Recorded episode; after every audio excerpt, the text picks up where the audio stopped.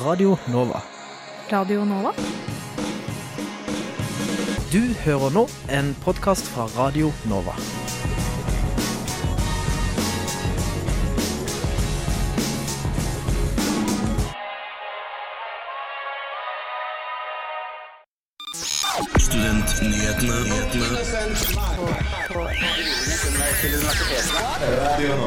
Hei og velkommen til Studentnyhetene her på Radio Nova. Mitt navn er Elise Kubre, og med meg så har jeg Ingar Jakob Feiring. Du skal straks få ukens nyhetsoppdatering, men først skal du få høre om hva vi skal ha om i dagens sending. Kampen for å få ledervervet i NSO er i gang, og vi har snakket med lederkandidat Susann Andorra Biseth Mikkelsen. De mannlige kandidatene i lederkampen i NSO er mot kjønnskvotering. Du skal få svaret på hvorfor. En ny studentby skal få et terningkast, og i dag skal du få høre om Bjølsen studentby. Kommer den til å ta lederplassen? Følg med i sendingen. Og vi skal eh, som vanlig snakke med studentpolitikerne, og i dag skal du få høre hvordan de arbeider frem mot valget i, på UiO i mai. Men først skal du få ukens nyhetsoppdatering.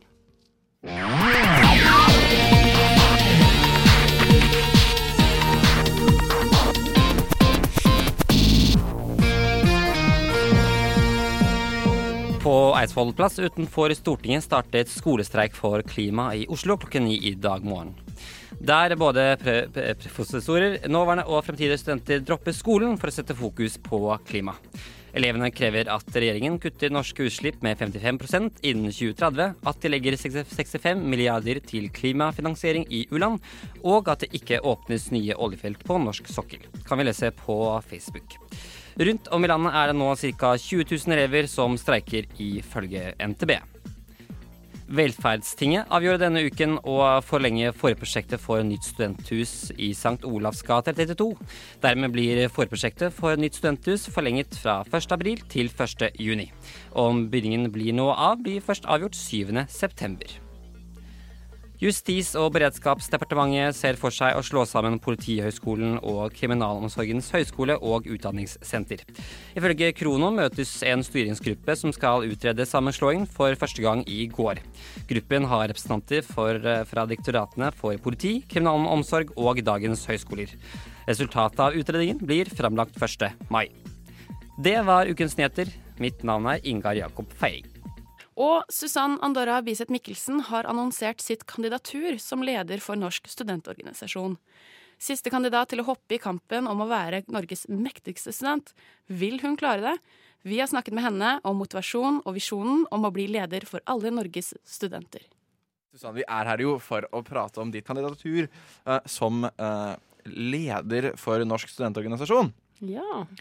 Da starter vi veldig enkelt. Hvorfor har du valgt å stille som NSO-leder? Jeg valgte å stille fordi jeg syns organisasjonen er eh, veldig spennende. Jeg syns det er så kult at så mange ulike eh, personligheter, politiske standpunkt og lignende møtes for å diskutere noe av det jeg mener er det viktigste man driver med. Jo høyere utdanning og utdanning generelt, da. Um, tror du at sånn, uh, det at du har vært leder for studentparlamentet på UiO nå, uh, gir deg en fordel i valgkampen som uh, kommer til å være framover nå? Jeg tror ikke det gir meg en fordel i valgkampen, men jeg mener jo absolutt at jeg har vært heldig å få lov til å ta da det jeg liker å kalle en master i studentpolitikk, siden jeg har fått sitte i to år på fulltid på UiO. Så jeg tror ikke det gir meg en fordel utenom at jeg har den kompetansen jeg har, da, ved å sitte i de vervene. Um, hvilken dato var det du annonserte kandidatur igjen? Jeg annonserte kandidaturet da fristen gikk ut. Hvorfor, hvorfor valgte du å stille ditt kandidatur så sent? Ja, nei, jeg har aldri lagt skjul på at jeg har vurdert å stille. Jeg har vært ganske åpen om det, eh, men det å faktisk gjøre det har vært en litt høyere terskel. Jeg har snakket med arbeidsutvalget, jeg har snakket med familie, og så har jeg jo en samboer som også skal være med på dette her, og et år til. Og da var det egentlig Jeg har snakket om det siden januar, men så var det dessverre to av fem i arbeidsutvalget som brakk beinet på en uke, som da økte arbeidspresset vårt ganske drastisk, og da merka jeg at jeg hadde ikke overskudd til å kaste meg inn i en valgkamp også, da. Men så begynner folk å komme tilbake. Vi har kommet oss på beina igjen og tenkte at ja, det er nå eller aldri. Man stiller jo ikke som leder uten en visjon, så har du på en måte noen visjon om hva du vil kjempe for framover? Ja, jeg er veldig opptatt av at når man snakker om rik, eh, lik rett til høyere utdanning i Norge, så er liksom det å kunne skille mellom lik rett og like muligheter, da. Jeg mener at eh, ja, vi har like rettigheter, men det er ikke like muligheter til å faktisk klare høyere utdanning, og det ser vi med tanke på frafallsstatistikken. Jeg er også veldig opptatt av bærekraftig utvikling. Jeg mener at det er eh, Vi ser at vi kommer til å stå overfor store utfordringer i fremtiden, og at vi må ta disse på alvor. Og at absolutt kunnskap og utdanning er nøkkelen for å imøtekomme disse. Er det tiltakene på universitetene som skal til, eller er det utdanningen av de som er på universitetet? Det er, det er begge deler. Altså, som, som institusjon så har vi tre hovedområder. Det ene er at man skal alltid søke etter sannheten. I samfunnsdebatten så er det viktig å være en pådragsgiver for å være premissleverandør for hva er faktisk sannhetene om de ulike utfordringene vi står overfor. Og så er det det at man skal drive med ekspertise. Man skal finne sannheter, og så skal man være de beste på områdene. fordi skal vi imøtekomme alle disse bærekraftsmålene som krever tverrfaglig samarbeid, så trenger vi at vi er er eksperter på våre områder og kan samarbeide om å finne de beste løsningene. Det som også er viktig, er jo som du sier at vi må drive med uh, utdanning av de som faktisk skal ut og være samfunnsborgere. De som skal være uh, studenter for endringer. Da. Altså at man kan gå ut og være, være med på å endre samfunnet rundt seg. Har du én hjertesak? Nei, jeg har veldig mange hjertesaker. Jeg liker å påstå at jeg har et stort hjerte, da. Eh, jeg mener jo at de sakene jeg nevnte tidligere med bærekraftig utvikling, like muligheter, jeg mener at eh, studentenes viktigste sak er studiestøtte. Med tanke på at vi nå gjennom eh, SSB ser at studentene jobber opptil tolv timer ekstra i uka eh, med deltidsarbeid. Vi ser også den NSO og Universitas kartleggingen, kan man kalle det, hvor mange som faktisk får støtte hjemmefra. er nesten 40 da. Så det er jo ganske ulikt eh, som sagt, det der med ja, det er like rettigheter, men det er fortsatt ikke like muligheter når ikke alle kan være fulltidsstudenter. Um, nå som du har vært uh, leder i snart et år for studentparlamentet på UiO, dette å være leder, har du på en måte utpreget deg en type lederstil, og en lederstil du ser for deg at du kommer til å ha som da leder i NSO hvis du blir valgt? Ja, det er jo liksom litt forskjell på både å være ekstern og intern leder. Ekstern så mener jeg at jeg er veldig eh, eh, kjapp i replikkene. Jeg mener at jeg kan bidra med å være synlig på den måten. Intern så har jeg vel markert meg med at jeg mener at det er en læringsprosess. Jeg mener ikke at man er en ferdigutlært eh, leder. Jeg mener at dette er noe man må skape i fellesskap. Hva slags leder er det de rundt deg trenger? Hva slags leder er det du har potensial til å være i situasjonen? Sånn som når to stykker brakk beina, så er du plutselig en litt annen leder enn det du kanskje hadde vært hvis alle var friskmeldte hele perioden, da. Så det er jo liksom sånn det å være tilpasningsdyktig og lære hele veien. Hva er din spisskompetanse? Hva er det du bringer som de andre potensielle lederne ikke bringer? Min pedagogiske bakgrunn. Jeg har jo en bachelor i pedagogikk og ble egentlig engasjert når jeg så at det var veldig store forskjeller på hva man sa og hva man gjorde, da, hva man underviste i og hvordan man faktisk praktiserte det. Så jeg har hele tiden vært, hatt litt sånn skråblikk på hvordan man driver utdanningen, og har en genuin interesse for høyere utdanning. Da. Uh, da får jeg si lykke til med, med valget og framover, og at uh, overgangen, i hvert fall fra å ikke være leder i SP UiO uh, lenger, ikke blir altfor tøff. Tusen takk. Susann annonserte sitt kandidatur i Universitas, og om det blir hennes pedagogiske kunnskaper som er nøkkelen til seier i valgkampen, det får vi vite i april. Reporter i saken, det var Magnus Tune. Forrige lørdag arrangerte Norsk studentorganisasjon en lederdebatt i Oslo. Der måtte de fem lederkandidatene, Maja Sol Sørgaard, Truls Einar Johnsen, Marte Øyen, Susanne Andorra Biseth Mik Michelsen og Lars Føleide bl.a. Eh, svare ja eller nei på en rekke mot påstander, ifølge, ifølge Krono. Den ene påstanden var kjønnskvotering er et godt middel for likestilling, der de kvinnelige kandidatene svarte ja, og de to mannlige kandidatene svarte nei. På telefon så har vi en av de to kandidatene som stemte nei til denne påstanden. Og Truls Einar Johansen, leder for Velferdsting i Bergen. Hvorfor svarte du nei på denne påstanden? Uh, hei. Uh, det er jo Hva som er bra eller ikke, kan jo måles på flere måter. Uh, det kan at Kvotering får jo et effektivt fungerende fordeling på, på kjønn i, i, studiene, men samtidig så er det jo eh, veldig urettferdig eh, når kandidater går foran mer kvalifiserte kandidater på bakgrunn av kjønn. Eh, det er også sånn at Når man har en, dårlig kjønnsfordeling på et studie, så ligger det en del strukturelle ting bak.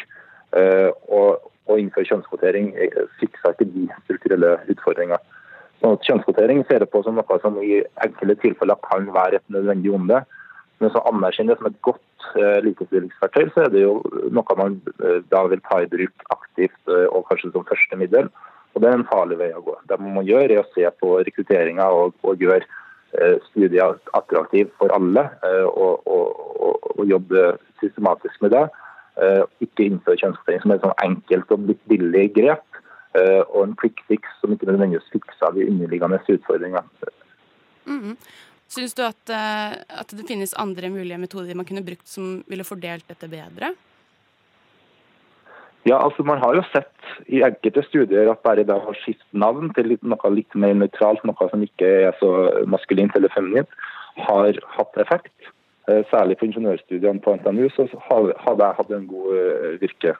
Og så er Det sånn at det er andre studier der det ikke nødvendigvis vil funke like bra, men der man kanskje må se på hvordan man selger inn studiet til videregående elever som vurderer å søke høyere utdanning. At dette er noe som er aktuelt også for det selv om, selv om det er i dag eh, er vekt på et annet kjønn. At man da ser på måten man kommuniserer på. Det er to sånne tiltak som jeg, jeg tenker bedre. En del fagfelt er jo overrepresentert eh, av ett kjønn. F.eks. så er det veldig få menn på psykologistudiet. Eh, er det et problem slik du ser det, eller? Ja, altså det blir et problem når da man da utdanner få mannlige psykologer, og, og, tilgangen på mannlige psykologer er, er lav. For at man vet at uh, menn ofte ønsker å snakke med menn. og det er Personer som er i en sårbar situasjon, har behov for hjelp. Og Hvis da terskelen for å søke hjelp er høyere fordi man ikke har tilgangen på den typen psykologer man ønsker, så vil det være et problem. At det er eh, en skjevfordeling på selve studiet er jo ikke et like stort problem. men Det er en utfordring der også. Men det, man, det at man utdanner særlig omsorgsyrker og yrker som skal være i kontakt med personer, og gjerne personer som er sårbare, så er det viktig at man har et, et mangfold, sånn at terskelen for å søke hjelp blir lavere. Hvordan ønsker du å få flere menn til å f.eks. søke SOGLI? Altså, hvilke metoder kan man bruke hvis man ikke bruker f.eks. kvartering? Eh, nei, det, det, det, handler jo om at man må selge inn studiet da, på en god måte. Man må jobbe tidlig med holdningsskapende arbeid, kanskje allerede nede på ungdomsskolen. Uh, få framheva hvorfor det er viktig og hvorfor det er et bra studie også for, for, uh, for gutter. Uh, og så tenker jeg at I sånne tilfeller så er det jo kjønnspoeng og, og, og kvotering Det er liksom i sånne tilfeller ser for meg at det kan være nødvendig på kort sikt for å få opp, for å få opp søkertallene på det underrepresenterte kjønnet. Men da må man samtidig jobbe med de strukturelle tingene, sånn som holdningsskapende arbeid og informasjon og, og rekruttering. Sånn at man ikke bare sier seg fornøyd med at nå har vi kvotert inn 40% menn da har vi 40 menn, og da funka det. det. det. holder ikke i lengden. Mm. Men uh, hvordan er det du stiller deg f.eks. til kjønnspoeng? Kjønnspoeng er jo en litt sånn mellomting. Da. Det er jo klart at det, er ikke like, det er ikke like ekstremt som kvotering, fordi at da har du maks et visst antall poeng som, som skill. Sånn at hvis det skiller ett poeng, som da er en tiendedels karakter i snittet, så vet du at den store forskjellen på, på, kjønn, på kvalifikasjonene Eh, vil ikke utgjøre. Mens kvotering kan du risikere at det er store forskjeller på karaktersnittet når du har satt det som grense. Samtidig så er jo kjønnspoeng mye mindre treffsikkert. Man er ikke sikker på at kjønnspoeng vil eh, oppnå den, den graden av, av, av, eh, balanse som man ønsker. Så det er et mindre ekstremt tiltak, men samtidig et mindre treffsikkert tiltak. Mm. Ja, så Tall fra NIFU fra 2017 viser jo at kvinneandelen blant professorer og dosenter var på 29 eh, mens den mannlige andelen lå på 70,5 Viser ikke slike tall at det mm. er, at det er mangel på kvinner, eller at kvinner er lite representert i akademia? Jo, det er jo interessant problemstilling. For det man ser, er jo at kvinner i, på lavere grader av bachelor og master er overrepresentert. Altså i, da, i, i, høyere utdanning i dag så er det flere kvinner enn det er menn. Og så faller de fra når de skal opp i, i akademia. Og Da er jo spørsmålet handler det om at, eh, at, ikke, at, kvinner ikke får eh, ph.d. når de søker, eller handler det om at kvinner ikke søker ph.d.? Og, det, og jeg, min mistanke er jo at det er sistnevnte problemet, at man er for dårlig til å rekruttere kvinner inn i akademia. Det kan ha med både at, man, at de ikke ser på det som relevant, så kan det ha med hvordan miljøet er i akademia, hvordan holdningene er. Og Da må man jo jobbe med de tingene. Det er jo Eh, det er jo det grunnleggende og det systematiske svikten man er nødt til å arbeide med, og ikke bare innse en sånn quick fix som, som skjuler symptomer, men, men, som samtidig ikke helbreder det som er sykdommen. Men det, det jeg lurer på da, er altså, Hvordan er det du skal endre den strukturen der? Altså, Hvilke tiltak ville du satt i gang for å få til en sånn endring i den holdningen? For det første må man jo jobbe med den kulturen som er i akademia, som kan gjøre at det er lite attraktivt for, for kvinner å, å, søke seg inn der. Det, hvis det er eh, en mannsdominert og, macho, og sterk machokultur, så er det jo noe man må jobbe med. og Det er jo holdningsskapende arbeid. og det å ha det oppe til debatt og snakke om hvordan, hvordan tar vi imot kvinner eh, i akademia.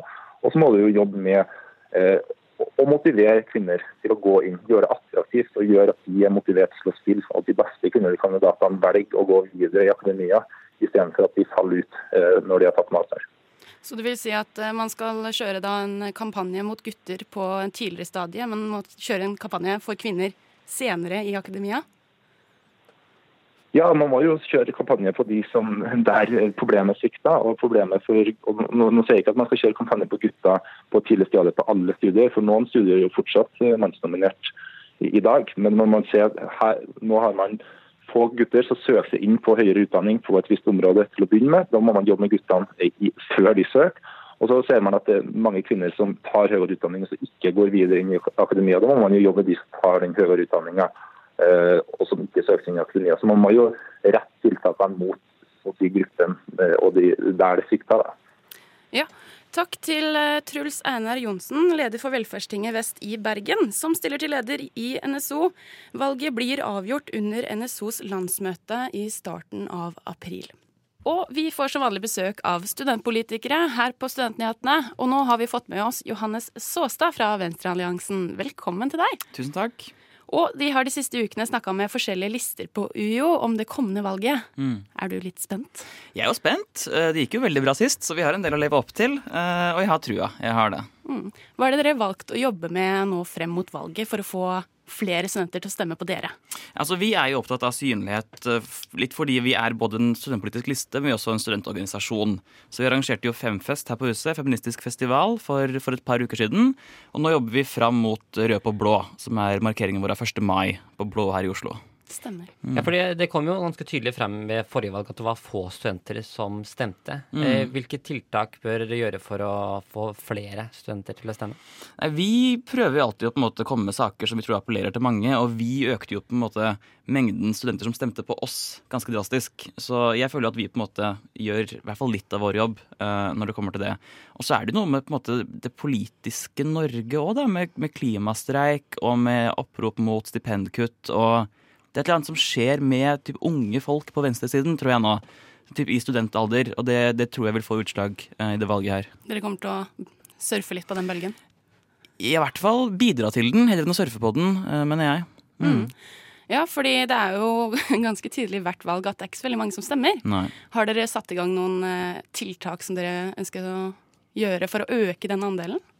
Altså, jeg sitter jo også i, i uh, promoteringskomiteen til studentparlamentet, og der jobber vi på en måte med uh, hvordan nå ut til flest mulig. og Da snakker man typ med hjemme i universitetet sentralt. Hvordan kan man bruke sosiale medier så effektivt som mulig. Uh, det er den ene siden av det. Og så er det på en måte Venstrealliansen, hvor vi jobber mer med ja, saker som vi tror er viktige for studenter. da. Mm. Og en av de sakene, hva er f.eks. det? Nei, nå vil vi ha pensjonspoeng for studentpoeng, eller studiepoeng. At, eh, at, mens man går og tar studiepoeng og utdanner seg, så skal man også tjene opp pensjonspoeng. Eh, så det blir som om man jobbet i offentlig sektor.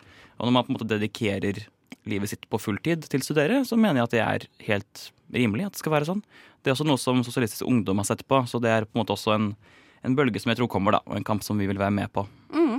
Ja, for det er jo ikke, ikke akkurat uh gjemt under teppet at eh, studenter har dårlig råd og kan ikke akkurat være fulltidsstudenter. Har dere noe å jobbe med i forhold til studentøkonomi og litt sånne tiltak òg, eller? Ja, altså det er jo måte det er jo vanskelig nasjonalt, men i Oslo så er det jo kritisk. Og da er det jo Nå tenker jeg at det ene er å kjempe mot det stipendkuttet som regjeringen ønsker. Og så er det å kjempe for å øke studiestøtten, som jo er en kontinuerlig kamp som tas nasjonalt av Norsk studentorganisasjon. Um, og så er det å se på dette her for å få uh, pensjonspoeng. Sånn at Én ting er økonomien du har mens du studerer, men også se på det at det å studere kan være en investering i framtidig økonomi, da, som det vil være gjennom å oppspare pensjon. Mm.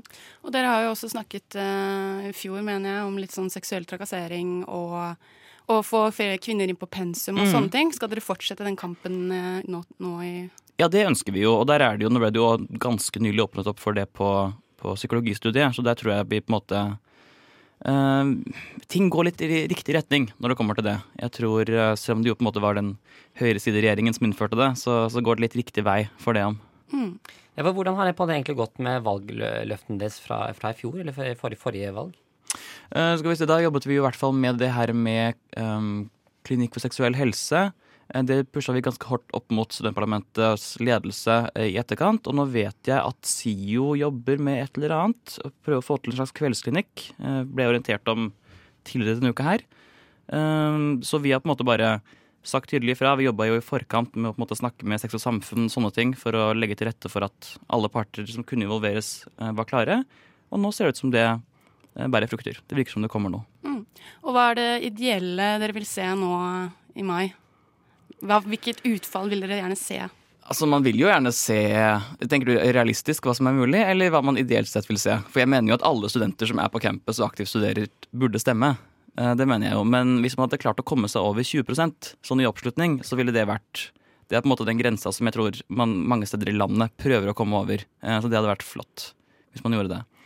Eh, for vår egen del så har vi jo nå syv mandater i studentparlamentet. Det hadde vært gøy å gå opp til åtte. Med tanke på at det er færre lister som stiller nå, så mener jeg at vi burde klare å få til det. Mm. Tusen takk for at du kunne være med oss her i studio, Johannes Saastad fra Venstrealliansen. Senere i sendinga skal vi også snakke med Realistlista om deres planer for kampen. Vi har besøkt en ny studentby i vår ukentlige spalte, og ukens godbit det er Bjølsen studentby. Våre ivrige reportere tok saken i hendene og hoppet på bussen for å besøke byen og noen studenter i sentrale Bjølsen. Da står vi i en ny studentby, vi. Nå er det altså Bjølsen studentby som vi skal undersøke. Og det er uh, smack down in the middle of Oslo. Fordi Bjølsen ligger da nesten rett ved Nydalen og BI. Men det ligger også ganske nære Sagene. Bjølsen er kanskje en av de nyeste studentbyene. Det er ganske fine bygg her. Moderne. Men jeg må påpeke at jeg syns det er litt vanskelig å komme seg hit. Kan være litt kronglete å komme seg til Bjølsen. Man må gjerne bytte buss fra bane. Uh, og det går ikke trikker i nærheten her. Men til gjengjeld så går jo 37-bussen og 20-bussen enda lenger ned i gata her. De går jo veldig ofte, og de går uh, Jeg tror de går hele natta. Så de kommer seg alltid hjem. Ellers så er det veldig koselig, liksom, uteområdene. Er uh, veldig pent og ryddig, men ikke noen sånn store arealer å henge på, kanskje. Men Elise, vi er jo ikke eksperter på Bjølsen studentby. Så eh, derfor har vi huket tak i noen folk som kanskje kan fortelle oss litt mer om eh, denne studentbyen og hvordan det er å bo her. Jeg håper det er det her. Hallo. Hallo. Stig på. Takk. Ok, men kan vi sitte sånn her? Her er det, ja. Så deilig. Nå har jeg da kommet meg til eh, Marius og Jonotto. Jonotto driver med litt eh, oppvask akkurat nå. Marius, hvor eh, lenge har du bodd her? Uh, siden i fjor høst. I fjor høst. Ja. Hvorfor valgte du denne studentbyen? Nei, Jeg sjekka ut hvilke studentbyer som lå lengst unna universitetet. Så søkte jeg bare, så var det her jeg fikk tilbud. Som lå lengst unna universitetet? Nei, men som lå nærmest. Ja, ok. Ja. Dere bor jo i samme kollektiv. Ja. Om meg og fire andre. Ja. Jeg, jeg, er veldig, veldig fornøyd med plasseringa, egentlig. Ligger jo uh, midt mellom eh, sentrum og universitetet, nesten. 7-bussen og 54-bussen går hele tiden. Så mer sentralt enn det man skulle tro. Miljøet her, kan dere si noe om det? Liksom sånn studentbymiljø? Ja, vi, vi burde kanskje ha det her. Jeg tror ikke vi har det. ikke noe sånt det her. Der har vi litt å gå på. Ja. Ja. Vi har 37-bussen. Vi har 37-bussen, ja. Vaskerimulighetene på Bjølsen studentby er fantastiske. Personlig har jeg hatt noen negative opplevelser med de tørketrommene. Det er jo Ja, det, du sier så, men uh, jeg får aldri klærne mine tørre. Det er dårlig vet, Men vet du da hvordan tørketrommel fungerer? For du kan ikke stappe den full. Det må være ja, det er, det er nok, romslig. Det er helt sikkert der jeg har gått ja. på en smell. Det er sikkert det. ja. Det vaskeriet ser ikke ut sånn uh, senhøst-vinter uh, heller. Da er det sånn mister du klærne på gulvet, så må du vaske dem om igjen. Det, det, har jo skjedd et eller annet helt utrolig, da. Når de bygde eh, studentby, så har, så har, de sittet rundt et, et eller annet form for konferansebord og planlagt Bjølse studentby. Så har de tenkt hva er det studentene trenger? De må vaskeri. Og så har de tenkt ja, det må jeg ha som et sted å håndtere søppel. Ja, ja, men vi kan lage et senter til dem. Det blir bra. Og senteret det skal ha frisørsalong, det skal ha apotek, matbutikk. Hva slags matbutikk er det studentene har lyst på? Meny. Dyreste matbutikken. Og så er det da Nisse da, som bare Fy fela, nå har du gjort det igjen. Det blir Meny. Så jeg handler da på Kiwi, da, som er rett over gata. Jeg handler stort sett på Meny for uh, latskapens skyld. Ja. Men Kiwi funker, det òg. Vil dere anbefale den til eh, nye studenter som skal komme til Oslo og leter etter en studentby? Yes, absolutt. Helt klart. Overbevist om at det finnes mye verre steder å bo som student. Terningkast for Bjølsen studentby. En solid fire pluss. Solid fire pluss. Ja. Begrunnelse. Eh, For alt er bra, men det mangler det lille ekstra som gjør at det blir skikkelig bra. Hadde det vært en pub for eksempel her, hadde det vært et treningssenter her, ikke sant. Jeg gir det Bjølsen en terningkast eh, fire. Fordi det er eh, helt midt på treet, liksom. Det, det er liksom ikke noe som gjør at den kommer seg opp fra den fireren, føler jeg. Da takker jeg for meg. Der fikk du anmeldelsen av Bjølsen studentby. Reporter i saken var Nora Torgersen og Elise Kubberød. Fått oss en ny gjest her på Studentnyhetene på Radio Nova. Velkommen til deg, Kristina Eide fra Realistlista. Tusen takk. Og vi har jo snakket eh, de siste ukene med forskjellige lister. Vi hadde jo besøk tidligere nå av eh, Venstrealliansen. Og vi snakker om det kommende valget. Hvordan er eh, følelsen? Det er veldig spennende. Eh, Det blir gøy å se hva man skal jobbe med videre. Men så kommer det jo et annet valg først, i NSO, så det er jo også veldig spennende. Hvor man bare samler hele studentbasen. Så det skjer veldig mye studentpolitisk i april. Hvordan skal dere Realistlista jobbe for å nå frem mot studentene? Altså få dem til å stemme på akkurat dere? Vi er jo en litt annen liste enn veldig mange av de andre. Vi har jo en fakultetstilhørighet eh, kontra mange av de andre som er partipolitiske. Så vi prøver å finne folkene på vårt fakultet og klarer liksom å utvide litt. Så nå er vi mye sterkere på informatikk for eksempel enn hva vi var i fjor. Og det ser vi på som positivt, da, at vi klarer å dra hele fakultetet og ikke bare de største instituttene. Mm. Og dere hadde jo litt uh, forskjellige valgløfter i fjor. Åssen syns du det gikk? Vi, vi satte veldig fokus på dette med gratis felt og variert undervisning, og det har blitt tatt noen vedtak av universitetsstyret, så alt av feltavgifter skal nå være på én linje, og det skal være likt. Og det har vært veldig deilig, så det blir spennende å se til høsten om det faktisk skjer med førsteårsstudentene der hvor det har vært relevant tidligere.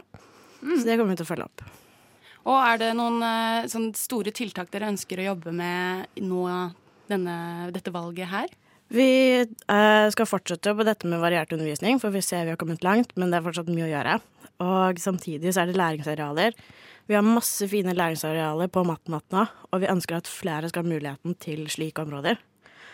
Og at vi har sett det er litt dårlige vilkår for foreninger noen ganger. Ting, eh, forandringer skjer fort uten at foreningene får vite om det, så vi vil ha en bedre gjennomføring av slike tiltak, og at foreningene får det litt lettere å drive forening på. Ja, for du hadde jo det nå med at det ble jo kuttet ganske mye fra SIO i, i støtten til foreningene. Mm. Er dette noe dere ønsker å ta litt tak i? Nei, vi har uh, ikke så mye sett på velferdsting i disse sakene. Vi går mer konkret på UiO med mange foreninger har slitt med korttilganger og dårlige vilkår for de som jobber uh, for forening, det, og da gjør det lettere å drive forening på UiO uh, mot eiendomsavdelingen og sånne type ting. Da. Hvilke tiltak ser dere for dere å sette fram for at det blir enklere for disse foreningene? Eh, til nå så alle de store kjellerpub-foreningene mistet tilgangen sine etter klokken tre. Som betyr at eh, de som har et barskift f.eks. til fredagene når det er åpent til klokken to, har ikke mulighet til å gjøre noe annet enn å rydde, for de må bare kastes ut av universitetets lokaler. Det mener vi skaper dårlig samhold i foreningen, og gjør at veldig mange ikke får en god opplevelse av det å være med i en forening. Så vi ønsker at man f.eks. kan ha litt mer slack på dette med tilganger, sånn at man har mulighet til å sitte og spise pizza, skravle om dagen som har vært, og opprettholde det sosiale også når det ikke er åpent for eksterne. Mm. Og det har jo vært litt sånn uh, vanskeligheter, for å putte det mildt, da, med å få studenter til å stemme ved valget. Har dere noen sånn konkrete tiltak som dere ønsker å, å gjøre for å forbedre dette? Uh, vi prøver å liksom nå våre uh, kjellerforeninger og fagutvalg og studentutvalg, og liksom oppfordre dem til å oppfordre sine medlemmer igjen. Samtidig som veldig mange legger fokus på fulltidsstudentene og sånne type ting. Men veldig mange på universitetet er deltidsstudenter, etterutdanningsstudenter og den type ting, som man kanskje ikke fanger opp like mye. Så se, be sentralt, se om det er mulighet for å også inkludere dem på en eller annen måte. For de blir en veldig stor fallgruve. Mm. Og eh, vi gleder oss veldig til denne valgkampen. Eh, og er det noe sånn spesielt eh, stands og sånne ting hvor dere vil være veldig synlig?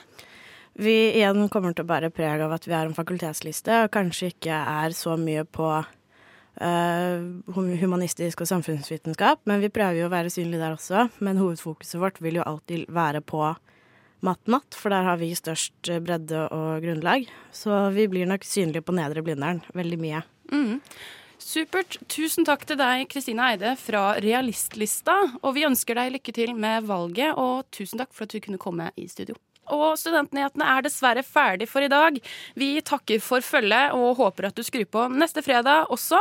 I mellomtiden så kan du finne denne sendingen og tidligere sendinger som podkast på Soundcloud under Studentnyhetene eller der du finner din podkast. I studio så hadde du meg, Elise Kubre, og med meg så hadde jeg Ingar Jakob Feiring. Og tekniker var Celine Stensrud. Du har hørt en podkast fra Radio Nova. Likte du det du hørte? Du finner flere podkaster i iTunes og på våre hjemmesider radionova.no.